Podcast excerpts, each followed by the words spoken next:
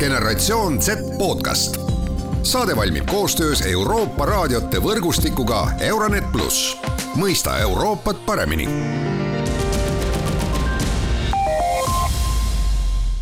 Tere, head Gen Z taskuhäälingu kuulajad, mina olen Mart Valner ja täna räägime Erasmus pluss programmidest ja üleüldse võimalusest Euroopas ringi liikuda ja õppida alustame äh, oma äh, tänast saadet äh, meie Saksa kolleegide intervjuuga, et rääkida, mis asi see Erasmus programmid üleüldse on. Ja minu Saksa kolleegid intervjueerisid Euroopa Komisjoni pressiesindajat Berliinis, Birgit Schmeitznerit Der Name Erasmus, der geht zurück auf den Philosophen Erasmus von Rotterdam.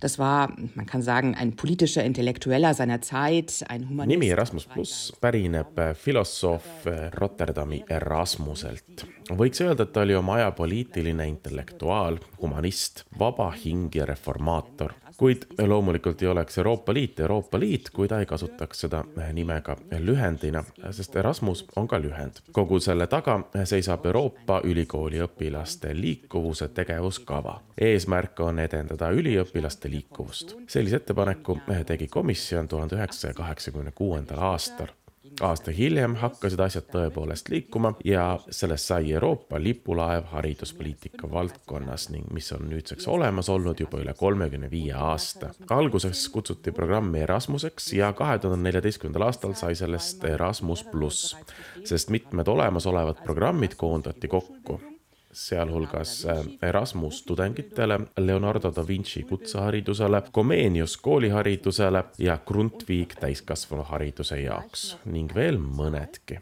Praeguseks on nendest programmidest äh, osa saanud rohkem kui miljon noort inimest ja mitte ainult ei ole osalenud, vaid ka sellest kasu saanud, saades võimaluse vaadata kaugemale oma rahvuslikest piiridest, väljuda oma mugavistsoonist, avada oma meeled teistele kultuuridele ja lihtsalt kogeda, mida Euroopa pakkuda saab.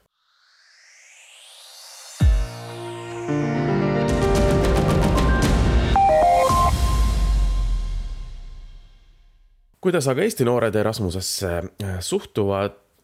mul on hea meel rääkida Merli-Mari Utsaliga tema Erasmuse kogemusest esimene minu Erasmuse kogemus algas paar aastat tagasi, kui ma käisin äh, noortevahetusel Gruusias, mis oli siis äh, umbes kaheksa päeva ja äh, see kuidagi sai väga nagu armsaks mulle.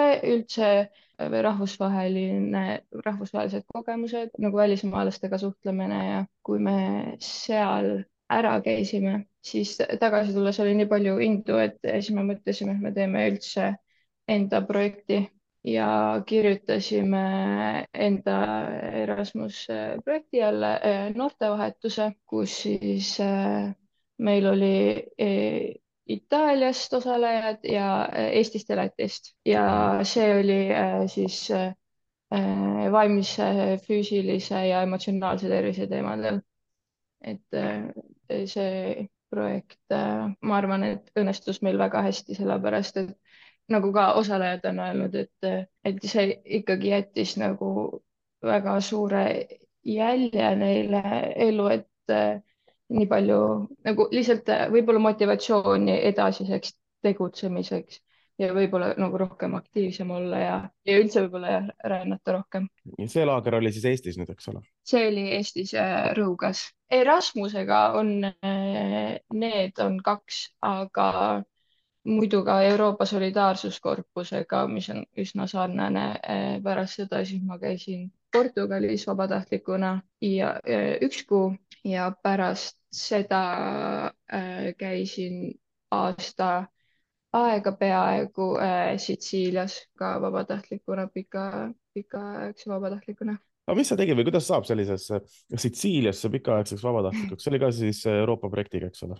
jah, see äh, ongi kaks peamist asja, millega siin Euroopas niimoodi reisida saab, on siis Erasmus pluss projektid ja siis Euroopa solidaarsusprojektid. noh, neil on nii-öelda see veebileht, kus on tegelikult hästi palju äh, erinevaid võimalusi, et sa saad neid äh, vabatahtlikkuse võimalusi ise otsida, näiteks kui nende noortevahetustel sul on vaja mingit organisatsiooni enamasti, siis selle juures sa saad põhimõtteliselt ise vaadata ja niimoodi iseseisvalt Äh, sinna siis äh, registreerida. no kui sa vaatad ja. tagasi nüüd äh, oma sellele aastale, ma mõtlen ka näiteks tõesti, tõesti ligi aasta Sitsiilias, eks ole, see kõlab mm. äh, imehästi. mida sina noorena tunned, et sa sellest said? mina, ma tunnen, et ma, see ikkagi muutis mind palju julgemaks ja avatumaks ja võib-olla nagu ka otsin võib-olla ainult rohkem äh, väljakutseid ja muidugi keele pool äh, on palju arenenud, äh, näiteks ingliskeelne suhtlemine nii, aga samamoodi võib-olla üldse tolerantsus ja võib-olla sealt just nagu kasvanud et sa tunned, näed väga palju erinevaid kultuure, sa juba suhtud neisse teistmoodi selle pealt, eks ole. juba nagu harjunud, et pigem kui noh, eestlasena nii-öelda on ikkagi, kui varem nägid välismaalased, siis pigem nagu noh, ma tundsin, et ma olin nagu tagasihoidlikum, aga nüüd ma just nagu pigem otsin seda nagu suhtlemist nendega, et, et nagu rohkem üldse maailmast veel teada saada ja et nagu see hirm on täitsa ära läinud, et noh, suhtlemisoskus on, ma arvan, arenenud palju. no nüüd sa läksid ülikooli ka, eks ole, on mul õigus? ja äh, Tartu Ülikooli ja õpin äh, infoühiskond ja sotsiaalne heaolu eriala no,. ühisk-, üli, ülikooli ajal sul on äh, ka võimalik ju nüüd näiteks Erasmusega käia vahetustudengina välismaal, teha, teha neid erinevaid projekte. sul on teatav nüüd juba kogemus, eks ole, all.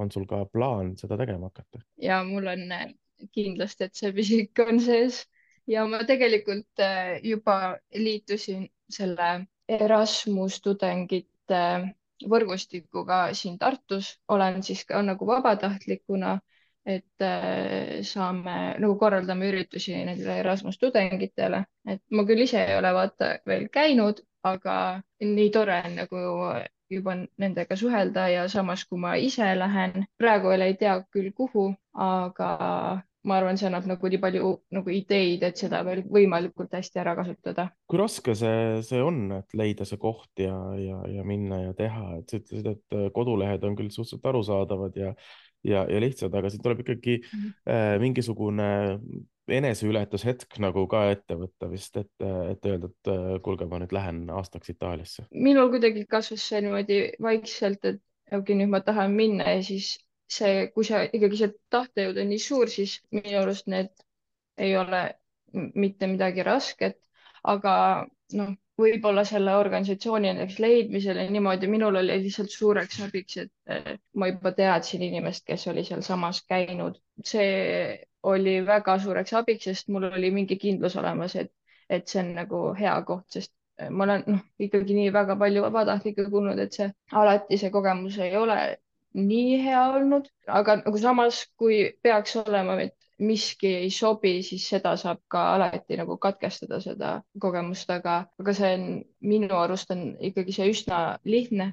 pluss Eestis on nii palju inimesi, kes aitavad äh, selle otsimisega, et äh, kui võtta need lehed lahti, et selle, sa ei pea nagu sellega üksinda jääma, et lihtsalt kirjutada, et kui sul ei olegi kedagi, kes sa teaks, kes on käinud, siis nemad kindlasti aitavad. kas äh, minnes sellisele vahetusele, kas ise saab ka midagi teha, et kogu see kogemus oleks äh, oleks parem või, või lihtsam või loogilisem? võib-olla ongi see noh, väike töö, et äh, see just selle organisatsiooni peale, kuhu sa kavatsed minna, et et kui palju nad on seda näiteks vabatahtlikke varem võtnud või siis mis, mis need ülesanded sul seal täpselt on, et võib-olla see endale kõik selgeks teha, et, et siis, kui sa kohale lähed, et siis ei tule mingeid nagu suuri üllatusi, et kõik on nagu nii teistmoodi, kui nagu võib-olla ootasid või eeldasid.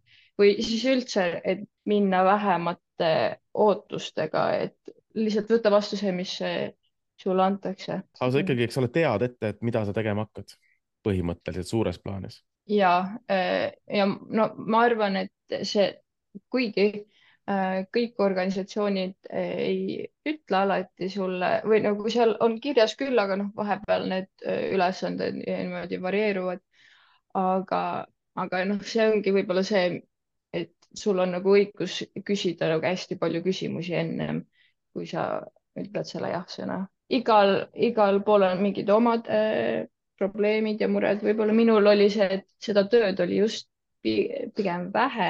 ma tegin niimoodi, et seitse kuud olin ühes projektis Sitsiilias ja siis suvel kaks kuud olin äh, ühes teises projektis. et selle seitsme kuu jooksul alguses pigem meie organisatsioonis oli tööd vähem, et äh, ma ei osanud seda nagu seda arvata, aga nagu samas meil ikkagi oli ka endal võimalus äh, luua uusi nagu võimalusi, mida me saaksime siis seal teha. kui nüüd äh, vaadata äh, tuleviku nii-öelda CV peale, kas see, et sul on seal selline teatav töökogemus ja, ja välislähetuse kogemus juba olemas, et kuidas siis see tundub, kas on oluliselt suur lisapluss sul?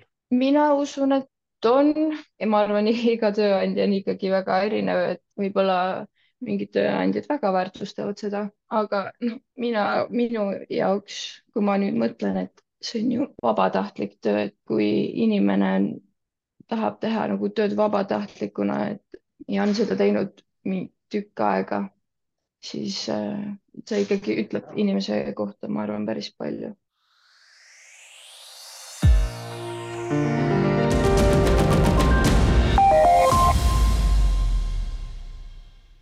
liigume saate lõpus ka äh, Sloveeniasse, kus meie kolleegid rääkisid äh, Primorska ülikooli äh, abirektori Aleš Oveniga, kes ütles järgmist.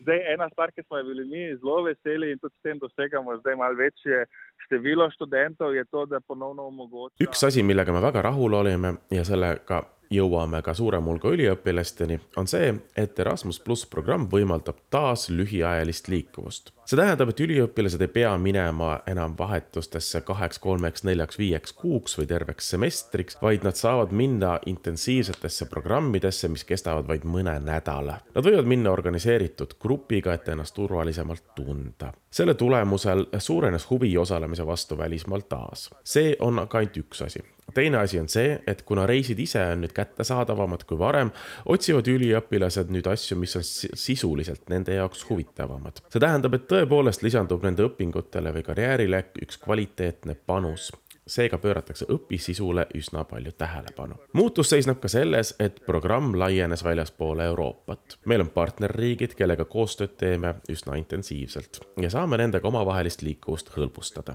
praktiliselt terve maailm on siin üldiselt suureneb ka eelarve ja sellega laieneb kättesaadavus ja ulatus, mis tähendab, et Euroopa ise ühendab, mis on ka programmi peamine eesmärk. generatsioon Z podcast. saade valmib koostöös Euroopa raadiote võrgustikuga Euronet pluss, mõista Euroopat paremini